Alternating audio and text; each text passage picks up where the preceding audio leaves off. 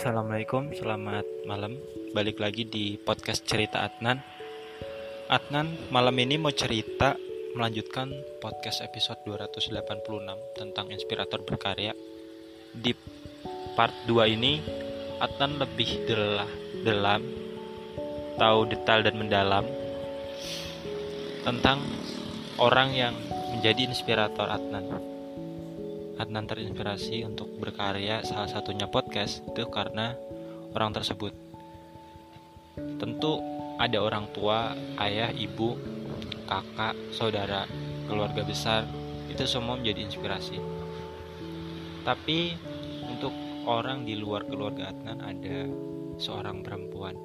Sebenarnya banyak perempuan yang jadi inspirasi namun ada satu orang yang betul-betul membuat Adnan jatuh hati Adnan nggak tahu dia sekarang di mana, sedang apa, atau bahkan sedang mendengarkan podcast ini. Tapi Adnan berharap ini bisa menjadi warisan suatu saat kalau Adnan meninggal. Setidaknya Adnan pernah mengungkapkan apa yang Adnan rasakan. Adnan tulis bahwa Adnan pernah hidup di dunia ini. Meskipun usia manusia itu singkat, setidaknya dia harus punya karya untuk jadi kenangan. Kalau pepatah lama bilang, usia manusia boleh sedikit, boleh singkat, tapi karyanya harus tahan lama. Mereka harus berkarya, berbuat sesuatu. Oke, nggak usah basa-basi lagi, langsung aja. Orang itu adalah orang yang aku temui saat dulu waktu pertama kali ke UGM. Jadi sebelum hari itu aku belum pernah namanya ke universitas apalagi UGM. Pertama kali ya saat umur 18 tahun itu mulai dari seleksi namanya UTBK dulu belum SBMPTN.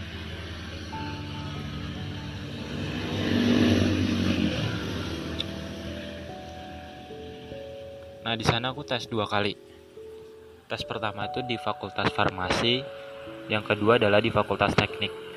Nilainya nggak jauh beda sih, beda tipis, meskipun turun. Yang pertama kalau nggak salah adalah 651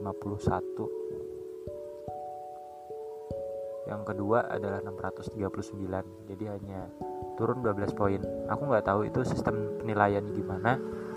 Yang jelas banyak hal di sana abstrak sekali. Singkat cerita aku ketemu dia saat ospek. Kalau UGM namanya PPSMB aku lupa singkatannya apa. Aku yang saat itu belum tahu jalan ke Gerasa Bapermana tempat dilaksanakannya ospek. Itu muter jalan lewat jalanan yang paling jauh. Karena aku nggak tahu ternyata ada yang lebih singkat.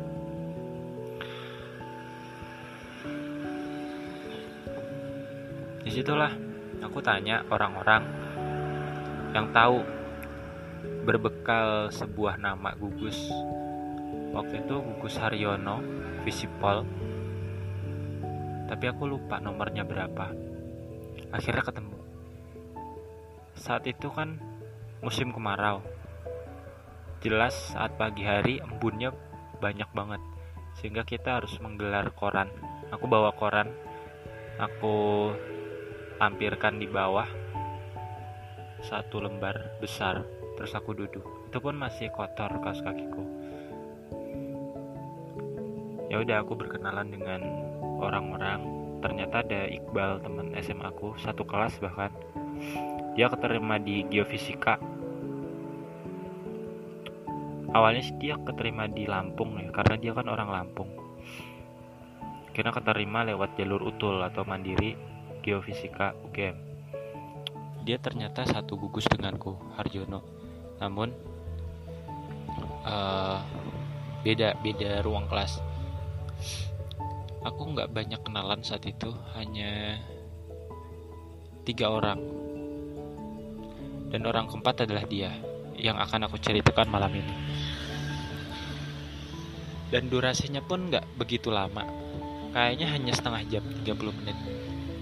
Oh iya dia itu lebih awal datangnya sampai situ dibanding aku. Padahal aku udah berusaha untuk berangkat lebih pagi jam jam 6 aku tuh udah sampai situ. Eh ternyata udah banyak orang. Bisa jadi orang ini udah dari jam 5 atau jam setengah 6 sudah datang. Termasuk si dia. Dia nggak tahu jam berapa datangnya. Kita ngobrol 30 menit. Singkat cerita obrolan itu masih teringat sampai sekarang. Itulah awal dari sebuah pertanyaan besar. Ternyata dia orangnya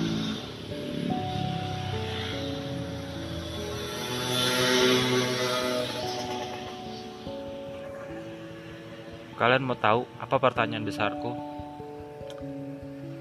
Sebelum itu, aku mau cerita. Kalau aku berdoa, itu selalu dikabulkan oleh Allah. Semisal aku pengen ketemu si A.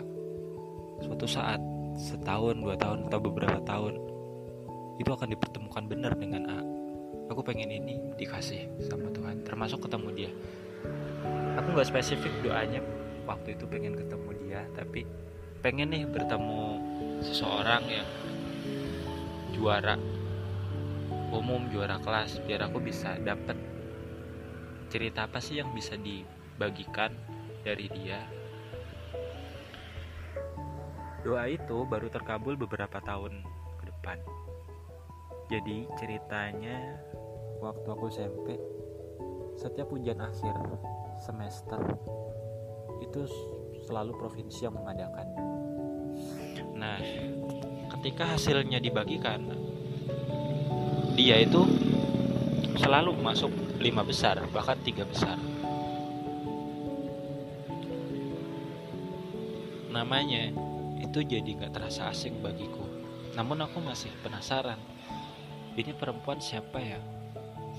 Begitu konsisten aku pengen jadi kayak dia. Kira-kira belajarnya gimana ya?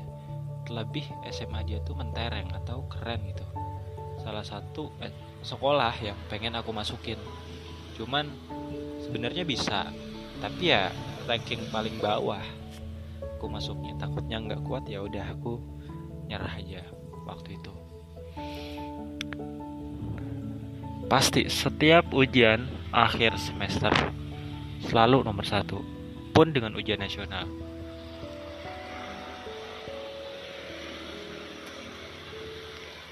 Aku lupa dia ranking berapa yang jelas dia tiga besar. Kalau nggak salah ranking dua ya. Se Yogyakarta.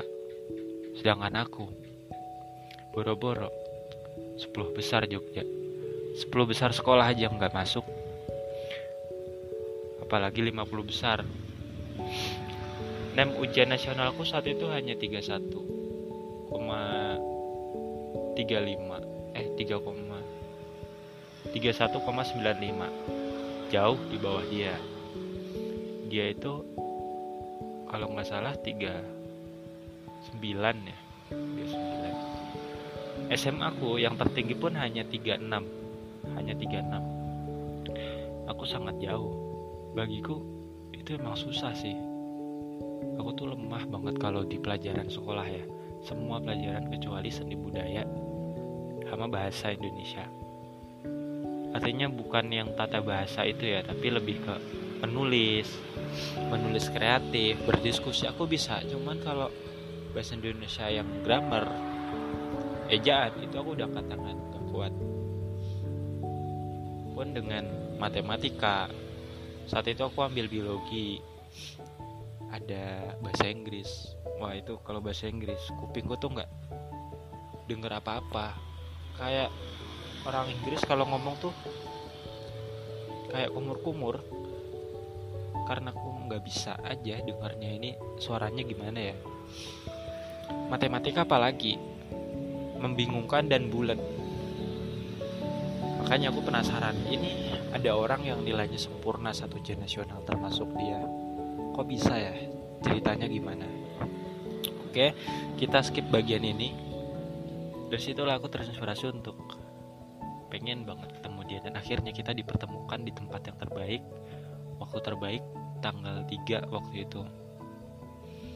Ya udah saat itu aku kayak apa ya mengingat namanya menyimpan namanya terus sampai sekarang. Bahkan banyak karya tulisku tuh inspirasinya dia tapi nama aslinya dia nggak pernah. Artinya selalu aku samarkan. Ceritanya pun nggak 100% persis dengan apa yang aku alami dulu. Ya untuk menghargai orang juga kan menghargai dia. Uh, aku suka sih dengan karakter dia. Terlepas dari dia pinter solehah. Dia perempuan yang mungkin umum ya kalau perempuan solehah itu menjaga diri dari pergaulan. Itu salah satu yang aku kagumi. Yang unik dari yang lain dia adalah perempuan yang pejuang. Aku pikir dia seorang ekstrovert ya. Dia berbakat menjadi pemimpin kalau aku juga pemimpin cuman aku introvert. Kalau introvert sama extrovert mungkin nyambung ya ketika bersama. Hmm, bahkan aku pikir perempuan itu pemalu atau apa ya intinya malu-malu. Tapi jarang sekali aku bertemu perempuan yang berani mengungkapkan pendapatnya punya jiwa pemimpin berani. Itu jarang dan itu aku temukan di dia. Meskipun dia tuh tampak menghindari diriku. Seperti aku nggak tahu mengungkapkannya bagaimana. Yang penting dia tuh emang benar-benar punya karisma gitu. Selain cerdas, soleha, dia juga seorang pemimpin. Minimal pemimpin bagi dirinya sendiri. Dari situlah aku bisa membaca kepribadiannya bahwa oh ini perempuan di rumah pasti punya strategi. Aku tahu selain dia punya otak yang cerdas, dia juga punya strategi dalam belajar. Dia punya temen, punya circle pertemanan. Dia punya konsep hidup yang ideal. Oh bahwa ideal itu agamanya bagus punya lingkungan pertemanan yang bagus ikut tahu gabung komunitas yang bagus ketika aku komparasikan dengan diriku jauh sekali bagikan langit dan bumi. Dia ekstrovert aku introvert. Dia punya teman aku nggak punya teman. Dia pinter aku nggak pinter. Seolah nggak ada yang bisa aku banggakan tapi beberapa hari lalu kemarin aku sempat mikir kalau aku terus memikirkan hal negatif yang aku miliki aku nggak akan pernah maju. Maka aku cari apa sih kelebihanku? Oh kelebihanku adalah aku tahan banting aku emang selalu dipatahkan. Bahkan dia pernah mematahkanku. Tapi aku nggak pernah menyerah. Aku selalu bangkit bangkit. Aku emang bodoh. Aku nggak pintar dalam akademik. Tapi aku pintar dalam berstrategi. Ketika aku gagal aku melihat celah untuk berhasil. Di sana aku memaksimalkan yang, yang betul. Pun dengan IPK aku yang sekarang mungkin kurang bagus menurut aku aku rahasiain ya berapa tepatnya. Tapi aku masih punya celah punya harapan untuk bisa kumlot mungkin nggak? Mungkin aja. Nggak ada yang mustahil. Aku emang punya banyak kelemahan tapi aku juga ada kelebihan. Yang unik yang gak dimiliki orang lain adalah aku sanggup mengingat apa pun. Mengingat apa yang orang berikan, bahkan bertahun-tahun lamanya. Aku masih ingat masa kecilku seperti apa. Aku punya memori yang kuat kalau mengingat kesan, kisah, ya, cerita. Bahkan buku novel yang aku baca belasan tahun lamanya itu aku masih ingat betul ceritanya seperti apa. Tapi kalau ditanya soal pelajaran, aku udah angkat tangan, aku nggak kuat soalnya itu banyak sekali rumus dan aku nggak suka belajar sebenarnya belajar itu hanya sebagai tuntutan bukan kebutuhan buatku. Aku baru menganggap belajar itu sebagai kebutuhan ketika aku suka. Contohnya aku mendesain.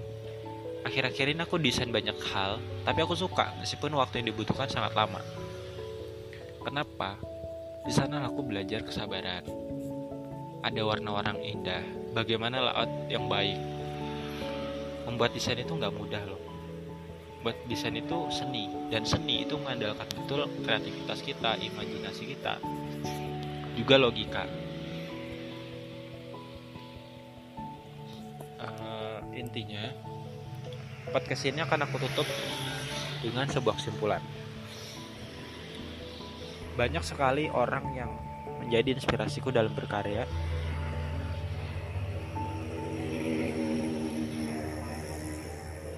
salah satunya adalah perempuan itu. Kini aku berdoa semoga dia baik-baik aja. Semoga dia dijaga kesehatannya sama Tuhan. Dan jika memang memungkinkan aku yakin Tuhan akan mempertemukan kita berdua di ruang dan tempat yang terbaik seperti saat itu terhitung udah dua tahun kita nggak ketemu. Berkomunikasi online pun kita udah lama sekali. Tapi aku yakin dia akan baik-baik aja. Aku yakin dia bisa menyelesaikan kuliah dengan baik. Semoga dia nggak seperti aku yang jatuh terus gagal terus oke teman-teman selamat malam itu dulu dan disclaimer sepanjang podcast aku dari episode pertama sampai sekarang tuh kan banyak distraksi ya kayak suara orang ngobrol atau suara motor, suara mobil. Itu sengaja. Biar apa? Biar ya bagus aja gitu. Biasanya kan orang kalau buat podcast selalu di tempat yang sepi supaya suaranya bagus. Kalau aku gak terlalu berharap kayak begitu. Aku pengen orang menghargai podcastku apa adanya. Ya mau gimana lagi? Aku nggak punya studio nggak punya uang buat bikin studio ya udah. Ambil aja tempat seadanya di depan rumah. Terserah orang mau denger atau enggak yang penting aku udah ngobrol semampuku. Kalau ada gangguan ya aku nggak bisa kontrol gangguan itu sekalipun aku di belakang rumah itu motor tetap terdengar. Kenapa?